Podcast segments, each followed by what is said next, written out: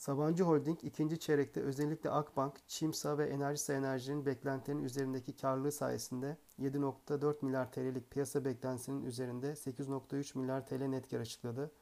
Net kardaki geçen seneye göre %188'lik büyümede 1 Temmuz 2021 itibariyle AGESA ve Aksigorta'nın full konsolidasyona tabi olması ve sigorta hariç tüm segmentlerin artan karlılığı etkili oldu.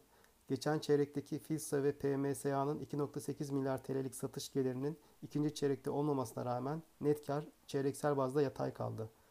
Şirket ikinci çeyreği geçen çeyrekteki 7.7 milyar TL'lik rakama kıyasla 5.5 milyar TL solo net nakit pozisyonu ile tamamladı.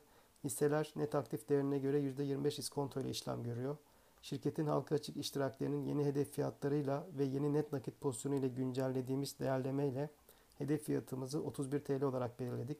Hisselerle ilgili endeks üstü getiri önerimizi sürdürüyoruz.